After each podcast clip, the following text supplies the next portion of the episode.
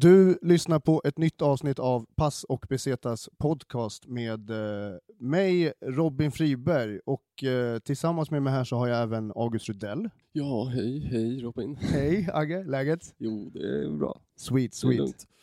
Och som eh, dagens gäst så har vi även eh, komikern och snart betitlad författare Oliver Dagnå. Hej! Hej! Välkommen Tjena. tillbaks till Pass och Besetas podcast. Tack för att man fick komma tillbaka. Ja, på, på kärt å- återseende. Mm. Det, det är några avsnitt sen.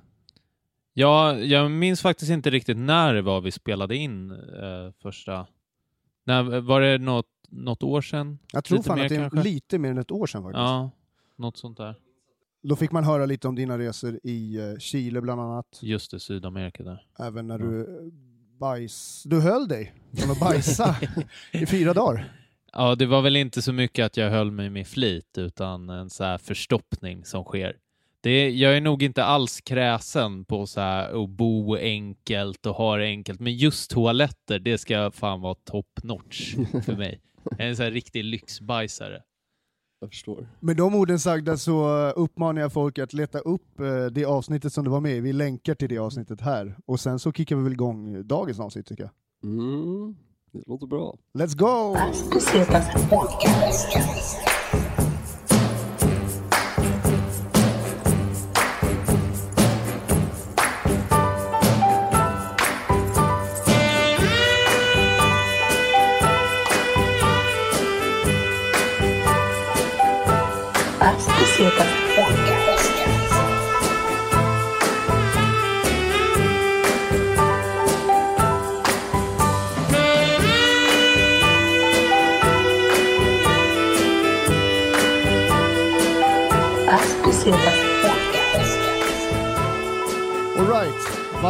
Välkomna tillbaks till eh, Pass och Besetas podcast. Om det är första gången som du lyssnar på den här podden så eh, ja, önskar vi dig varmt välkommen. det här är en, eh, en humorpodd om resor som, som vi kickar igång. Och eh, dagen till ära, som att vi har Oli- Oliver Dagnå med oss, så ska vi bjuda på lite, lite OP tänkte vi. Petronella. OP Petronella har vi. Äpp, äpple och kummin. Petronella, vet du vem det var? Nej. Det var eh, OP Anderssons eh, fru. Jaha. Så han döpte en av eh, sorterna till Petronella Charlotta Rosenhoff. Tur att jag inte sa det jag, tänkt, att jag tänkte i mitt huvud. Är det den billigaste flaskan eller? Nej, det här är nog bara special, specialutgåva. Det här är en kumminkryddad spritdryck. Eh, men fan, vi, vi testar väl den här då, tycker jag. Vi har väl testat den förut, men... Oliver, skål och välkomna. Skål, skål. Skål! Tack så mycket. Mm, smakar äpple. Mm. Mm. Mm. Den var faktiskt godare än vad jag trodde. Mm, Jag är inte förtjust i stark sprit vanligtvis, men eh, Vad trodde du att det skulle smaka? röv. Vad, ty vad tycker du att det smakar? Eh, nej men äpple, Ja. typ. Nej men det smakade faktiskt exakt äpple och kummin. Som Så det här står. kanske Det- är perfekt om man eh, eh, inte gillar sprit men känner att man måste hitta ett sätt att börja dricka sprit på. Ja, det tror jag är jättebra så här begynnar alkis. Enkel, enkel, enkel väg till rännstenen. Ja, precis. Det går nog att göra goda drinkar på den där också tror jag. Definitivt. Det tror jag. All right. Eh, vi nämnde ju lite grann i introduktionen här att du kommer debutera som författare snart. Yes. Stämmer. Spännande. Eh, jag vet inte, säger man grattis eller säger man respekt? Eh, Både nej, och. Men både och kanske. nej, jag vet inte. Tack i alla fall. Eh, för de fina orden. Vad eh, är boken betitlad? Eh, Hata dig själv som du hatar andra heter den. En väldigt ljus titel. Liksom. Vad är bakgrunden till titeln? Jag kan ha fel i det här, men jag för mig att det är ett Nietzsche-citat faktiskt, eller i alla fall ett lite, eh, ja, vad säger man? Eh, ja men eh, ish, någonting han sa ungefär. Eh, jag tror jag hörde det första gången eh, för ganska länge sedan när jag lyssnade på en podcast med Aron Flam och eh, Alexander Bard. Och då nämnde de det och då hade jag precis börjat jobba på den boken och då tyckte jag att det var så perfekt liksom titel. Verkligen. Det slog an någonting hos mig. Jag tror att det är, eller så här, men det är ofta man, typ, eller så jag känner så i alla fall, så här, ibland kan jag bara komma på en så här titel och bara så här, fan det här skulle vara bra på någonting. Att man liksom, man börjar nästan i slutet. Ja, ja. Jo, men så det tror man jag... bygga runt det lite så. Jo, men verkligen. Alltså, man, man kan ju inte riktigt styra vad en första idé blir kring någonting. Utan det blir ju något som ofta bara slår en. Så här. Det är samma, det känner säkert ni när ni skriver skämt, att det är, det är bara någon så här dum idé som dyker upp i huvudet. Det kanske bara är en mening till en början. Och så skrattar ni lite för er själva och så bara, ja okej, ja, men där kan jag skriva något längre till. Sen kanske det slutar upp som något helt annorlunda än vad du börjat med att skriva. Men du nämner ju liksom skriva skämt och så här. Jag och Agge vi har ju träffat dig eh, i stand-up-sammanhang. Mm. Vi har ju som sagt, vi har, man har suttit och väntat på sina, sina minuter till att få, eller sina, sina timmar kanske. Man sitter och väntar till Jo. att få några minuter på scen tillsammans på diverse stand-up-klubbar runt om i Stockholm är och säkert- andra städer också. Ja, det är säkert ett dygn totalt, om inte ja, mer. ja, det tror jag. Men, men det som jag är fascinerad av det är att du har ju liksom jobbat med den här boken då under en, eh, en, en, en tid Mm. som vi även har känt dig. Och du, jag hade ingen aning om att du har höll på att skriva en bok. Nej, Du verkar ha hållit ganska tyst om att du har jobbat med det här projektet. ja, eh, men jag gjorde det till, eh, till nästan till alla egentligen. Eh, och eh, anledningen till det, eh, det är för att jag tycker att när du börjar liksom med någon idé och särskilt kanske när det är något sånt stort arbete, att det är inte är så himla bra att du börjar snacka om det på en gång. Eh, Eh, jag tycker det är bättre att du håller det för dig själv, liksom för ja, men som jag sa tidigare där kring skämtet, du vet kanske inte alltid när du börjar med en kreativ process vad det kommer sluta med. Så det kan ha att du börjar med att ha en idé som du tycker är kul, men sen blir slutprodukten någonting helt annat. Grejen är när du börjar prata om något så här, och särskilt väldigt tidigt i en process, då blir det ofta så här att eh, kan jag känna i alla fall att du måste leva upp till dina egna ord på något sätt. Och att, att det är det liksom du ska leva upp till nu med slutprodukten. Inte att du kan bara tänka så fritt som möjligt för att det ska bli så bra som möjligt i slutändan. Var det en självklarhet att det skulle bli en bok när du påbörjade jobbet? Eh, ja, det var det nog. Nu minns jag faktiskt inte exakt hur jag tänkte när jag började. Men jag tror, jag, hade- den var ganska annorlunda på vissa idéer, alltså min idé i huvudet från hur den blev på slutet. Vad kan du berätta om eh, dess innehåll utan att liksom... Hur, hur pitchar du in varför ska, varför ska man läsa den här boken? Vad är det för typ av bok? Liksom? Vad- Ja, alltså jag, bruk, jag vill börja kalla det för en svart komedi, typ. Eh, sen tror jag att eh, det är mest människor som kanske är lite lika skeva som vi tre är, som kommer uppfatta det som en komedi. Jag tror det är många som inte kommer göra det. Du är alltså perfekt Eh. bok för våra lyssnare att och, och läsa alltså. Ja. Och kö, köpa och läsa. För att det, ja. Exakt.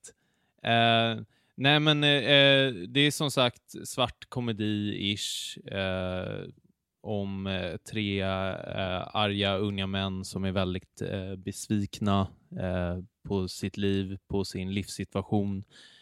Enormt besvikna på det samhälle de lever i och eh, människorna runt omkring dem i allmänhet.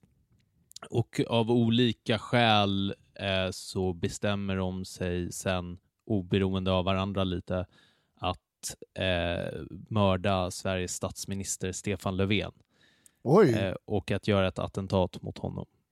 spännande. Så det är vad den handlar om. Eh, I korta drag där i alla fall. Nice. Jävlar, det här vill man ju läsa alltså. Ja, Bra cliffhanger.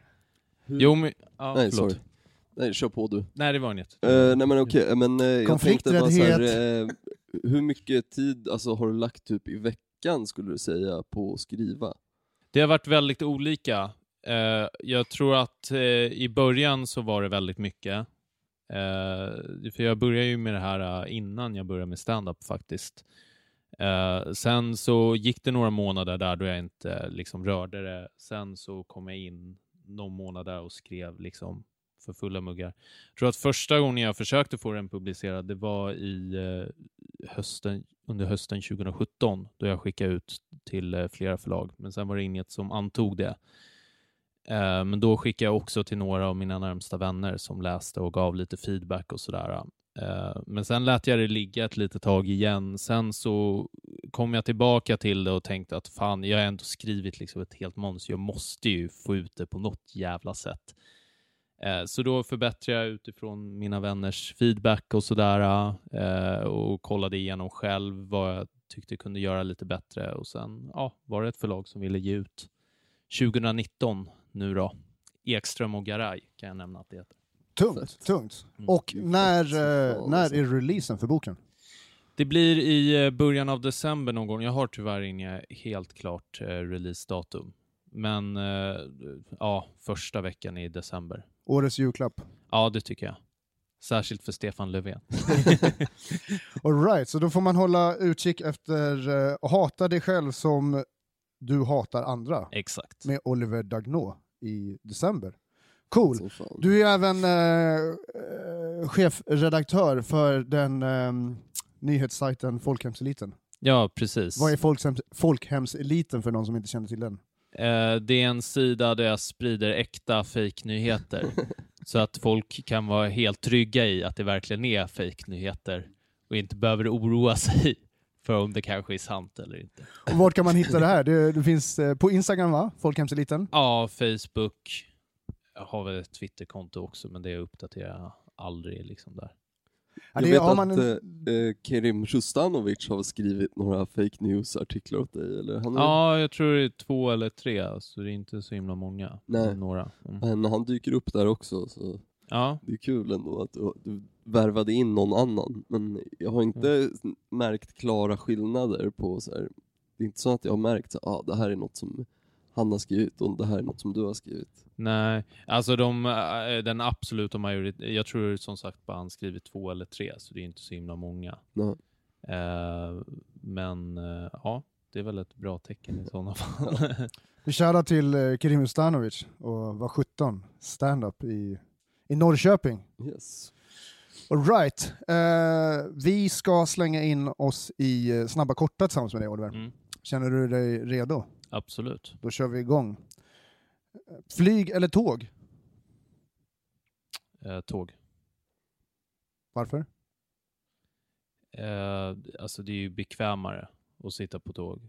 Sen i och för sig med brasklappen att om det är en väldigt lång resa så tar jag flyg.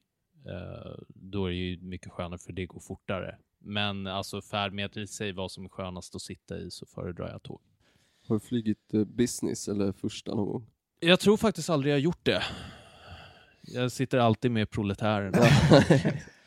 Det är en man av folket. Ja, Eh, Sker det att du skriver material, alltså, material och så när du åker tåg? Alltså oavsett. För du känns som att du, du är en person som skriver väldigt mycket överlag. Ja, men det händer nog att jag gör. Eh, det, jag brukar väl ofta så här, eh, skriva ner tider på vissa dagar där jag ska skriva. Ibland får man ju bara inspiration liksom att göra det. Men att man ibland bara tvingar sig själv att sitta ner liksom, eh, och, och skriva något. Sen kanske det inte alltid blir så bra. Men det det blir är nog. fan svårt tycker jag. Alltså. Mm. Jag gör nästan aldrig det, tvingar mig själv. Men det blir inte mycket skrivet heller. Nej, men det, alltså det leder ju till mer, för ibland finns den här romantiska bilden kring både liksom så här skriva skämt eller böcker eller vad som helst. Liksom att eh, du ska bara få någon gudomlig inspiration och så eh, har du skrivit brott och straff. Liksom. eh, och det funkar ju inte så. Eh, det, det liksom, du måste nöta och lägga ner det där arbetet också. Sen kommer ju de där små ljusglimtarna av genialitet. Vad tror jo, du grundar sig den här bilden i, den här romantiserade bilden av det så här, eh, den, den, den kämpande konstnären eller den kämpande författaren som typ sitter på någon jävla, uh, ja, typ i Paris på någon gata och röker en cigarett och Ja. dricker ett glas rödvin och skriver värsta storverket. Och- Eller det kanske är min bild, det kanske inte var din Jo, bild. att man får en så här snillebild liksom Mm. och bara plötsligt kan skriva allt. Jag, jag tror det har att göra med att eh, eh, liksom konstnärer i sig är lite mer eh, eller folk, ja, författare och så vidare också, eh, är lite mer så här flummiga spirituella personer överlag, eh, vilket gör att man själv lätt romantiserar kring den bilden. Eh, så därför, jag menar, ingenjörer till exempel är ofta lite mer så här strikta konservativa typer och därför är det mer så här raka puckar. Men jag tror alltså, alltså motsatt kan vara sant för en ingenjör till exempel, att de också kan få någon bara snilleblixt liksom. Ja, precis. Jag glömde fråga det eh, tidigare, men eh, när ni ändå snackade om författare och sånt där. Vilka författare inspireras du av? Eh, min favorit är en fransk författare som heter Michel Houellebecq. Eh, eller Welbeck, som skrivit, eh, han debuterade väl med elementarpartiklarna i slutet av 90-talet, eh, som jag tror är hans kändaste bok. Eh, han skrev en bok 2015 nu också som blev väldigt kontroversiell, eh, som hette Underkastelse, som handlar om att Frankrike på demokratiskt vis blir ett islamiskt kalifat.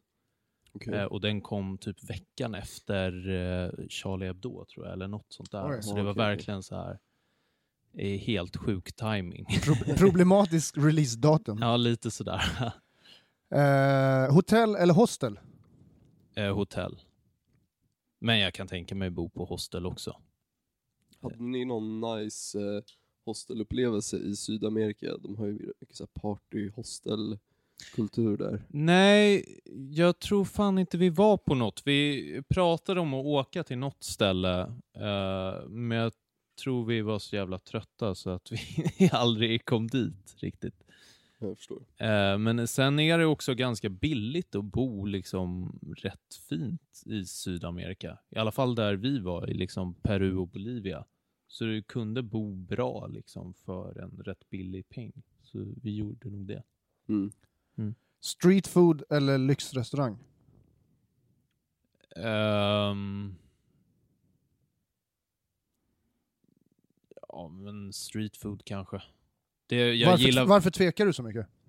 Nej men jag vet inte, jag gillar nog jag gillar att äta fint och sådär, men är det en för fin restaurang då blir jag ofta lite nervös liksom. Att jag, jag känner att jag inte borde vara där. jag borde vara på gatan istället. Den, jag vet inte om det är någon mindre värdeskomplex eller något. vad är den bästa streetfooden du har käkat? Det är väl när jag var i New York eh, för några år sedan. Tror jag. Det, det var nog så här uh, indiskt har jag för mig. All right. Ja, jag minns inte exakt vad det var, men det var någon typ en gryta eller typ en wrap? Eller? Nej, någon så här risrätt som var jävligt god. Mm. Kan det vara biryani kanske? Ja, kanske det var. Jag Mm. minns faktiskt inte vad det heter. Right. Agge, förklara. Vad är biryani? Du som är in, poddens Indien-expert här. Alltså jag käkar inte, har typ inte käkat biryani så många gånger men det är väl typ ris med massa, så här, det kan vara olika grejer i liksom typ alltså med så här, olika köttgrejer eller bara vegetariskt. Är det den ljusa såsen eller den vinröd eller så här röd-orangea? Jag vet inte alltså faktiskt. Jag är faktiskt inte... eh, Inte så mycket av en expert i det ämnet. Hur är det i. Indien? Kan man liksom äta streetfooden där som västerlänning? Eller ja, är det... alltså det är helt lugnt. det är Alltså, verkligen... Per rekommendation av August Rydell. Grejen Liksom. är så här. om man åker till Indien som västerlänning så kommer man bli sjuk. Det är liksom, Ja, det är ingen idé att försöka kämpa emot. det kommer hända. ja. Men och sen typ, ju, man blir sjuk ett par gånger men sen blir man ju typ härdad liksom. Man lär sig lite deras bakterieflora liksom. ja. Vad heter eh, salmonella? Fick du det? Nej det har jag fan inte, inte Nej. fått. Men eh, de säger ju att det är sallad man ska hålla sig borta från va? För att Men det är väl väl- kyckling man får det ifrån? Eller? Ja, bland Jo annat. precis, men det Ja. man folk oftast blir sjuka av är tydligen så här dåligt tvättad typ så här grönsaker, Ja, okej. sallad Mm, som mm. tvättas i så här smutsvatten typ. Ja, just det. Alkohol eller cannabis?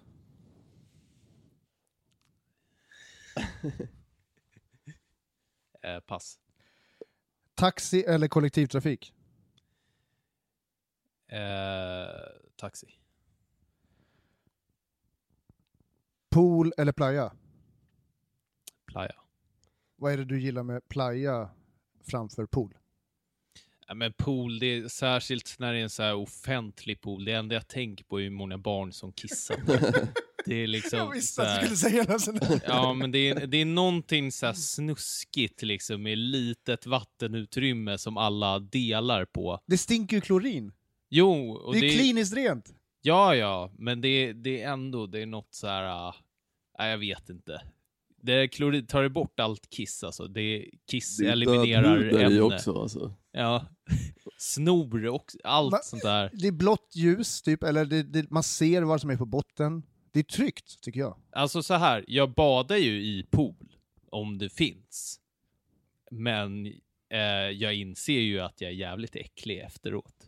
Det- Så vad gillar vad är det som din favorit ehm, sysselsättning när du är på playan? Eh, är du en badkille liksom, eller är det någon som bara... Du känns som en ligga och läsa bok-kille typ. Ja, dels kan jag vara det, tror jag, men eh, jag tror jag badar väldigt mycket liksom. Eh, om det är skönt i vattnet. Du gillar lite sportaktivitet och så? Fotboll typ och... Ja, ja, Ja. det gör jag. Eh, jag kan ju inte påstå att jag är särskilt bra på det. Eh, fotboll, till exempel. Men eh, För man får inte intrycket av att du är så här strandraggartypen som går runt och bara nej, så här, går fram till några tjejer som bara “tjena tjejer” så här, vad, jag är inte Isak Palm. Han, hävdar, han ju att han alltså. inte är det. Ja, Ja, just Ali det. Gorgi också. Ja, ja, jo. Ja, men det är en ny nivå liksom, strandraggar-typen. Det till och med strandraggarna tycker han är för mycket. liksom. vilken är den mest minnesvärda playan som du har varit på? Oj. Eh, jag, jag vet inte om jag har något så här äh, exakt minne av någon strand som varit så här äh, bara slagit mig. Det är väl klart att jag varit på flera fina sådär, men, men sen liksom jag minns ett när jag var ganska liten när jag var i Mexiko med min familj och, och badade i så här äh, varma källor ute eh, någonstans i djungeln. Det var jävligt häftigt, vill jag minnas. Fan vad maxat. Mm. Eh, om du skulle få välja mellan bungee jump och spa, eh, det vill säga bungee jump får representera att liksom äventyr. Adrenalin, Mm. stinna aktiviteter vs eh, typ dopamin, Ja. Grejer. Alltså att göra på semestern, Mm. då tänker du? Ja, men jag gillar nog eh, att ha min beskärda del liksom dopaminkickar. Sådär. Sen är jag nog inte den personen som utifrån slår som någon adrenalinjunkie och det är jag kanske inte riktigt. Men, men jag, jag tycker det är tråkigt. Blir det för mycket chill, då blir jag lätt uttråkad. Liksom. Så ja, Fan, du, låter som, du låter som en beha, behagligt resesällskap, som att man ändå kan få med dig på tokigheter men också slappa när det väl krävs. Liksom. ja, sen kan jag nog gå på nerverna på folk ibland också. Det här får andra svara på. Ja men cool. Eh, med jag, gillar, jag gillar att du är den första gästen som vi har som tvekar så länge på streetfood eller lyxrestaurang. Det är skitintressant. Jaha, nej men jag har inte tänkt på det tidigare. Jag tror också att jag är lite så här, äh, jag kan ta antingen eller. Ja. Liksom. Ja. Nice, nice. Men du har ju också varit, ehm, du har ju varit ute och rest relativt nyligen. Mm. Eh, var det i, eh, i somras som du var ute, som du var i USA? Eh, ja, det var det. Det var du och din, du var med någon släkting eller? Nej, det var med ett gäng eh, kompisar, eh, men det var en gammal barndomsvän till mig som eh, gifte sig där i somras i North Aha, Carolina. Okej, cool. Så då var vi några bröllopsgäster som åkte ja, först till New Orleans och sen bilade igenom amerikanska södern upp dit då. är det här en bröllopet. svensk eller som har flyttat till USA? Eller? Ja, Mm. exakt. Eh, så en amerikansk fru då. Så det här var ett, eh, var det ditt första amerikanska bröllop som du var på? Eh, ja, det var det. Det var inte mitt första utländska bröllop. Jag har faktiskt varit på ett tjeckiskt bröllop en gång också. Märkligt nog. Eh, men första Det låter, Det låter eh, fan kul. ja det låter jävligt kul. Ja, Vad serverades det där? På borden liksom? Jämfört med ett svenskt bröllop? På tjeckiska eller Ja, på amerikanska? tjeckiska. Jag blir lite Tjeckiska- nyfiken. Mycket kött. det, jag tror inte de tror på vegetarianism där, liksom. Bärs, kan jag Det är min tänka mig. känsla. Mycket öl också. Inte så himla stark öl, men mycket så här 4% i öl. Det var överlag i Tjeckien, om jag går in på ett litet sidospår nu, eh, så är det liksom att du ser byggarbetare dricka bärs liksom 10 på förmiddagen när du går ut där en tisdag.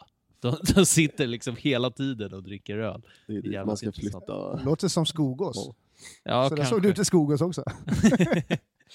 Eh, men okej, fan. eh, så, USA är din senaste resa eh, och ni, eh, ni åkte från, hur, hur såg rutten ut liksom? Ni åkte från Arlanda, Eh, åkte ner till eh, New Orleans. Eh, någon mellanlandning eller? Ja, London och Houston blev det. Eh, vi hade ju lite missöde där att eh, vi missade vårt flyg från London sen, för vi skulle mellanlanda i Dallas egentligen. Eh, och anledningen till det var att det var ganska tight mellan, det var bara någon timme mellan där flygen från Stockholm och det från London. Eh, men sen var det försenat, det från Stockholm. Så vi hade så här extremt tajt om tid och bara en halvtimme liksom på oss då vi behövde skynda oss. Eh, så jag eh, fick ut min biljett liksom och blev incheckad på det planet.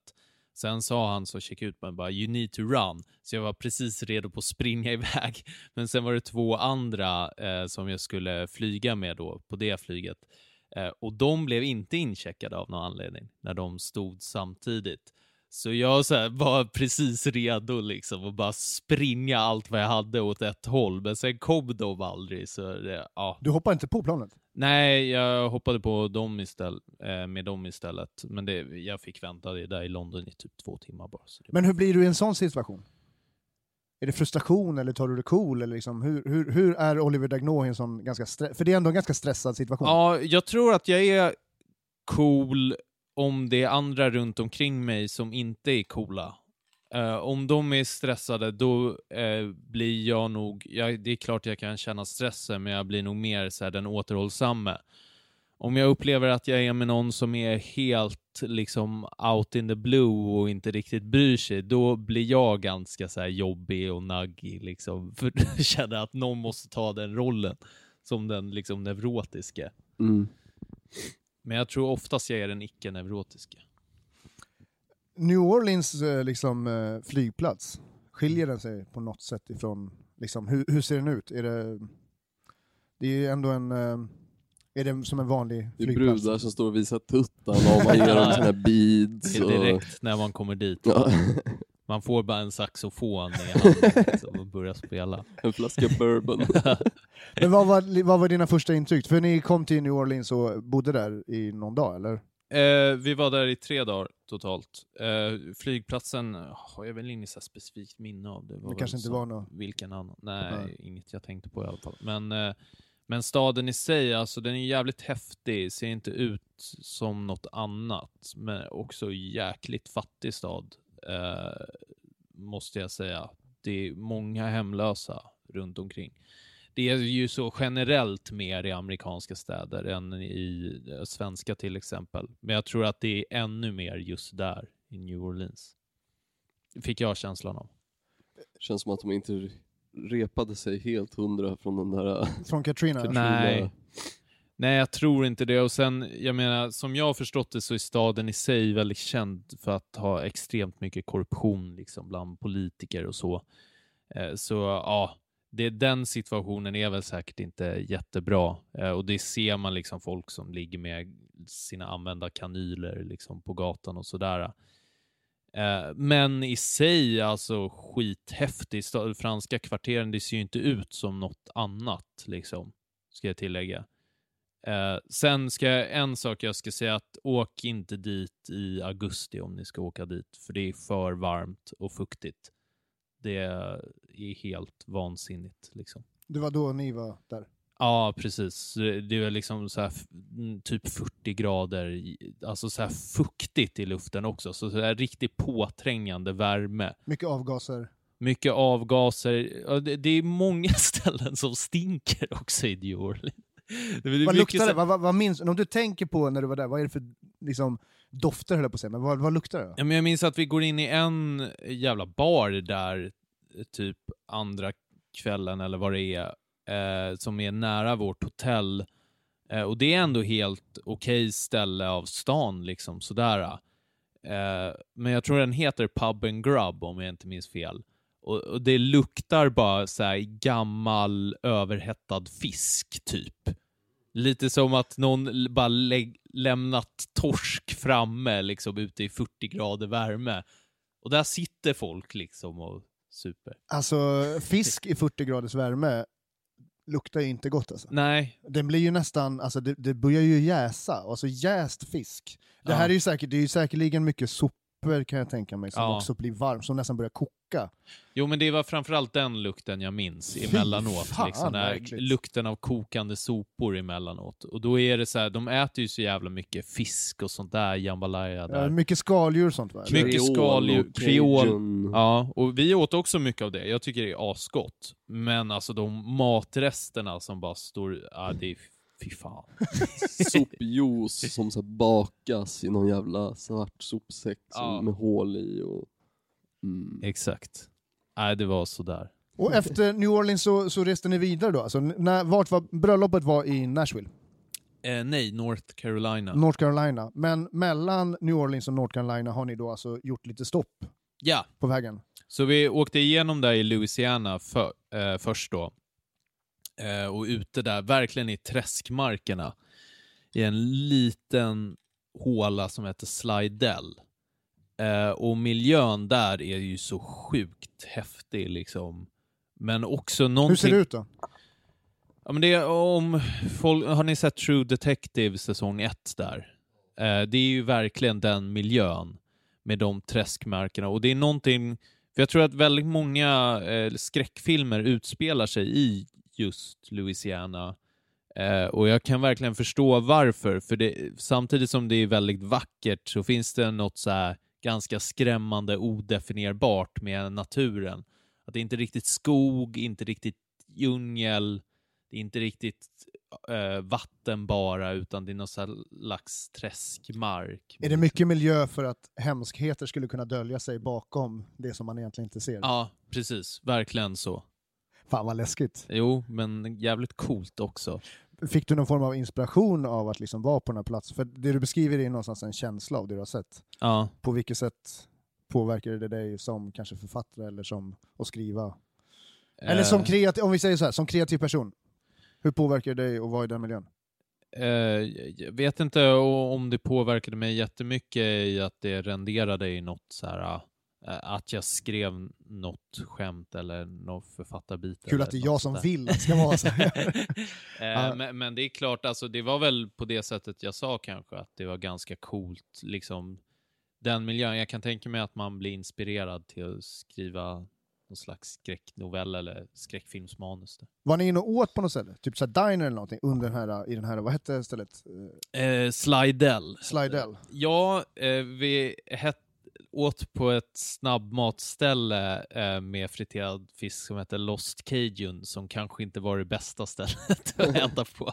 Varför inte? Därför det var, allt var friterat och det var riktigt så här, vi beställde alldeles för mycket också. Och det var så här dumma saker, så jag beställde så här friterade ostron bland annat, bara för att det lät så dumt liksom. Eh, Men det, det var ju typ bara frityr och så något lite tråkigt där i mitten. Hela den här snäckan och allt var borta. Det roliga är att när man friterar saker så kan man ju ta död på ganska mycket bakterier också. Apropå Ja. det du snackade om innan med här, den här lite odören. Det är kanske beskrev. därför det är så vanligt där nere i Alltså det är ett södra- ganska bra sätt, för du hettar upp, oljan hettar upp Just. råvarorna så pass mycket, så Ah, du kan ta okej. död på ganska mycket. Sen är det ju vissa saker som inte ens fritering kan, kan göra. Nej. Men fritering är, är ett ganska relativt billigt sätt att göra mat som folk vill äta och köpa, Mm. och som kanske också... ehm, ja, det kan nog Man finnas hade något. inte velat ha det om det inte var friterat. Så Nej. kan vi säga. Nej, så är det nog. Eh, Men, men det var väl kanske inte det bästa stället vi åt på. men det var nog inte dåligt sådär, ingen blev magsjuk. Och eh, efter det, så bilar ni den här resan? Eller? Ja, eh, vi körde bil eh, från New Orleans eh, hela vägen upp då sen till North Carolina och stannade där emellanåt på ställen. Vad hade ni för wheels? Vad hade ni för whip? Eh, whip. Det är alltså typ så brittisk slang för bil. Ja, okej. eh, vad fan var det vi hade nu? Det var något så här lite tråkigt, typ Ford Explorer eller någonting. Eller Mm. vad det heter. Men, Men det var jag- alltså inte en van eller något där som ni slaggade i? Jo, nej det var det inte. Eh, men det var en ganska stor bil liksom. För vi var ändå, vad var vi, fem pers som reste tillsammans. Eh, men jag hade ju innan, och det pratade jag med någon annan, velat ha en så här riktigt stor Chevrolet Suburban, typ. Något som någon miljöpartist får hjärtattack av att se. Eh, En Escalade typ? ja men typ. Eh, men, men det var lite för dyrt att hyra. Så vi tog en Blev ni stoppade i några kontroller eller någonting? Eh, nej, det blev vi inte. Ni var ju ändå var Vita. vita killar, det var precis det jag tänkte säga. Okej, och sen så det här bröllopet då, alltså hur, vilken storlek av bröllop snackar vi och vad är det för plats och hur bor ni liksom i North Carolina? Eh, nej, men det var väldigt stort eh, bröllop. Jag vet inte exakt hur många gäster det var. Eh, men eh, det, det var ju uppe verkligen på ett berg eh, där som bröllopsvenyn var och som flera bröllopsgäster eh, gäster bodde. Eh, inte vi dock, vi blev förpassade ner bland fotfolket. eh, så då bodde vi faktiskt på ett motell som väl var lite småsunkigt liksom. All right. Va, hur skulle du beskriva det här hotellet då? Jag, när du säger motell USA, jag får ju upp direkt så här Bates motell i huvudet. Liksom. Det är så här, Mm. är det, hur, hur... Beskriv motellet. Men det var nog en ganska bra bild faktiskt, för det var typ så det kändes. det var en mamma som var i ett hus och ja, exakt. Som stod och kollade på oss genom fönstret. Ja, precis. ja, inte riktigt så kanske. Eh, och, och det var ju ändå i, i närheten av en liten stad där, så det var inte helt eh, liksom ute på vischan där. Eh, men eh, nej, men det var ganska så här, små smutsiga rum, dålig air conditioning och sådär. Så det var inget så här jättebra boende. Jag, ja, det är klart man kunde bo där liksom. Sen var det precis vid en stor parkering bara. Jag minns att bilen bredvid oss eh, hade så här sönderslagen ruta och vad som såg ut var skotthål i. Så då skämtade vi om att han förmodligen flytt från sin fru medan de liksom skjutit mot honom för att han varit otrogen eller någonting. Hur mycket vapen har du, såg du under den här resan? Inte mycket alls. Vi var faktiskt sugna ett gäng på att testa att åka till någon skjutbana och skjuta, men sen blev det aldrig av riktigt. Vilket var lite synd. Gick ni till vapenavdelningen i ett Walmart någon gång? Nej, finns det alltså på Walmart med? Mm? Ja, I Cali när- fanns det i alla fall. ja okej. Ja, vi var på ett Walmart, men jag minns inte att det var någon vapenavdelning. Ja, jag tror att den brukar, den brukar vara längst bak, liksom in i något hörn. Ja. Men, Okej. ja, det var ändå sjukt att gå dit bara, Mm. ja, hänger några så Desert Eagles där på en jävla hylla liksom. Fick ni plocka upp det och känna på dem? jag vågar fan inte ens om Nej. de skulle bli sura alltså, men Ja. nej, det är sjukt alltså. Men hur lång tid tog hur många dagar tog det att åka till North Carolina från New Orleans? Det är inte så himla långt egentligen, eh, men vi stannade ju liksom på en massa ställen på vägen. Ja. Eh, men jag tror, skulle du köra raka vägen däremellan så är det väl, eh, ja nu höftar jag bara, men det är väl mindre än liksom tio timmar i alla fall. Gissar jag på. Men hur lång Eh. tid tog det för er? Ja men vi var ju borta i lite mer än två veckor. Eh, så, och då kom vi dit eh, på slutet där sista veckan på torsdagen. Då hade vi landat på ja, söndagen dessförinnan då. Så typ en vecka eller? Ja, lite mer. Typ en, en vecka, nio dagar eller vad det blir. Då måste ni ändå Nio, gjort tio dagar. en jävla massa stopp alltså. Ja, jo men det gjorde vi. Eh, vi åkte ju upp via Tennessee och sådär också. Och åkte Memphis, stannade vi i Nashville också på vägen. Tog ni till Graceland? Nej, vi gjorde inte det och det var för att eh, vi hade hört att det suger. Av Man alla får som ju varit inte där. gå överallt tror jag heller. Nej, och att det bara var dåligt liksom. Så då kände vi att You gotta come to the King's house man. Ja, precis. Men vi var där på Beale Street. Den klassiska bluesgatan där i, eh, i Memphis. Det var lite coolt. Vad serverades det för mat på det här bröllopet? Minns du det? Var det buffé eller var det liksom... Fan det vore Fan, ju jag- nice om det var ja, men det var det buffé va? på bröllop. Ja, det var det. vad var det för liksom... Minns du? Eller du Var kan det så inte... caterat liksom? Ja, ja typ. Det var lite så här allt möjligt. Men var det så här, de som Mm. jobbade, var det som det är i typ amerikanska filmer, att det är personer i frack som är inhyrd personal som liksom... Eh, ja, det vill jag minnas att det var. För det känns, alltså min bild av svenska bröllop är att de är relativt nerskalade i förhållande till vad många amerikanska typ Mm. kommersiella filmer visar bröllop. Det Jo. verkar vara så jävla kul på amerikanska bröllop, det är därför jag är lite nyfiken. Tryckte du ner en 20 dollars sedel i en servitörs här bröstficka så hämtade han en hel flaska vin till dig eller? Eh, nej. Det Fan det gör, inte kan man väl inte grej. göra på någon hand heller? Eller vad? Ja men bara säg...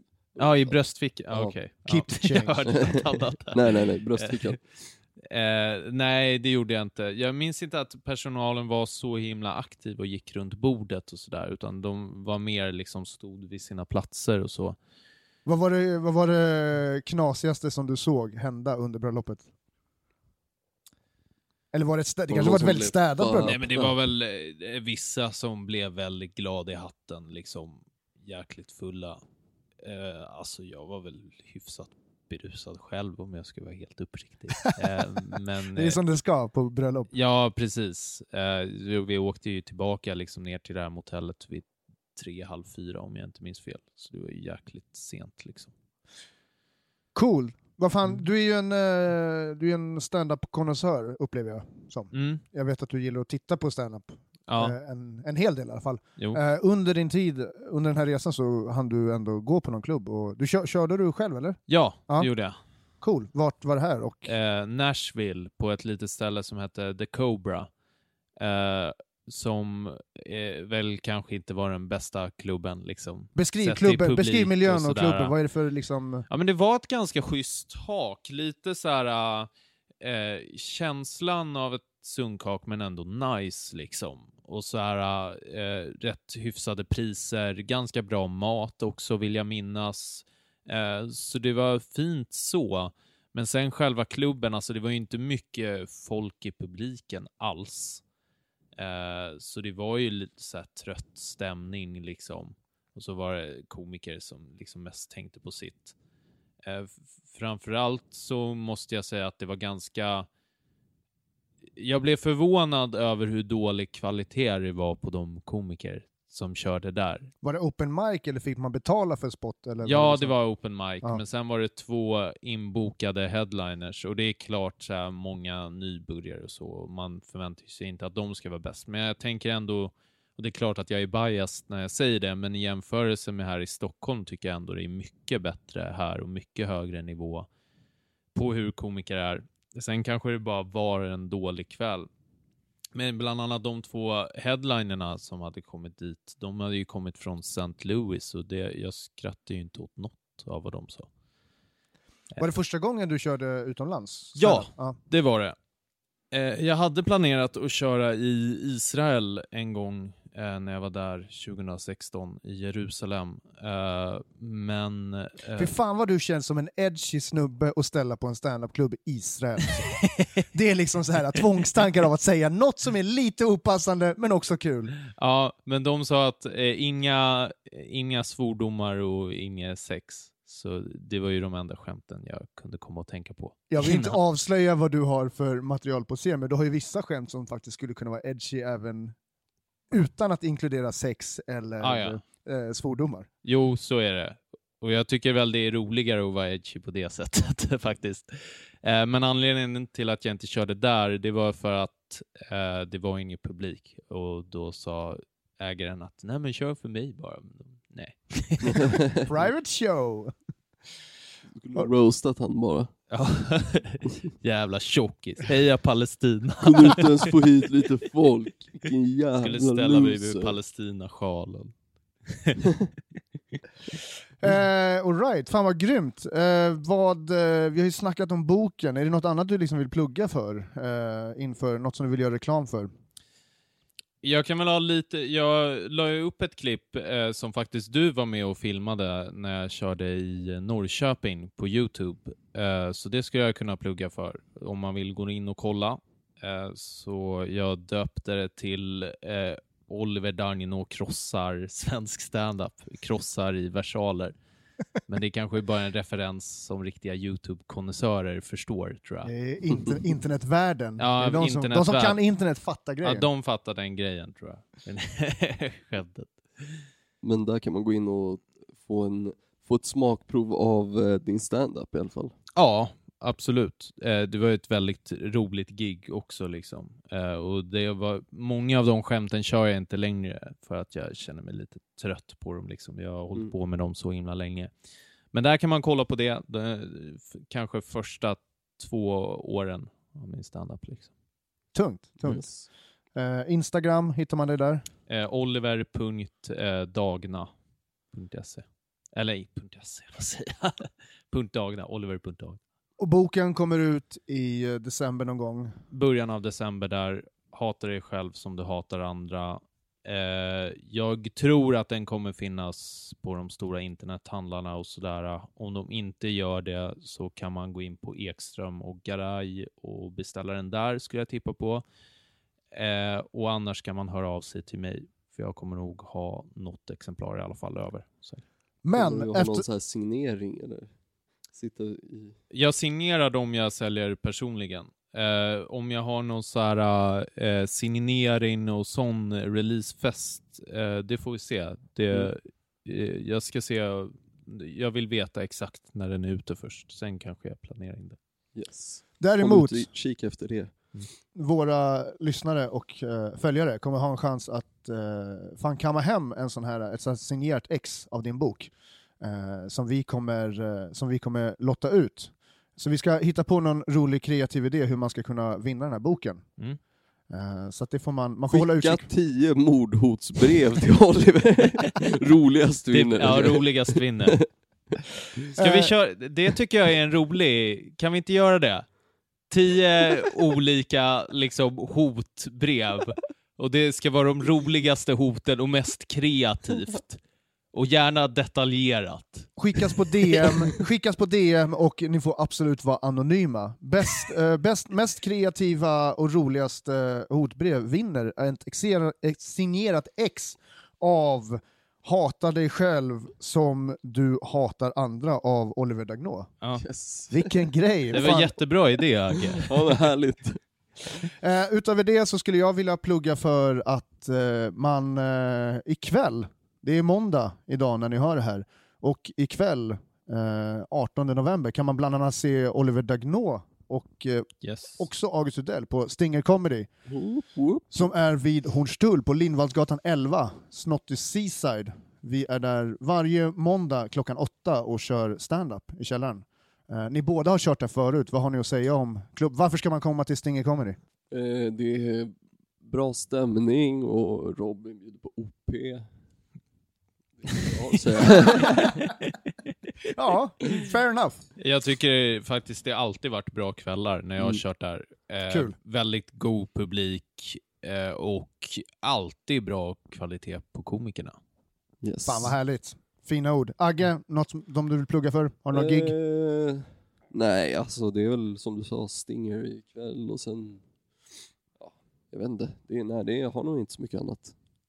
Cool. Då tar vi och knyter ihop den här säcken då. Oliver Dagnall, tusen tack för att du var tillbaks i Passo Pesetas podcast. Tack själv. Varmt välkommen tillbaks. Det gör jag Yes. gärna. Då... Vi kör vi. rundar av. Mm, Okej, tja tja! Hej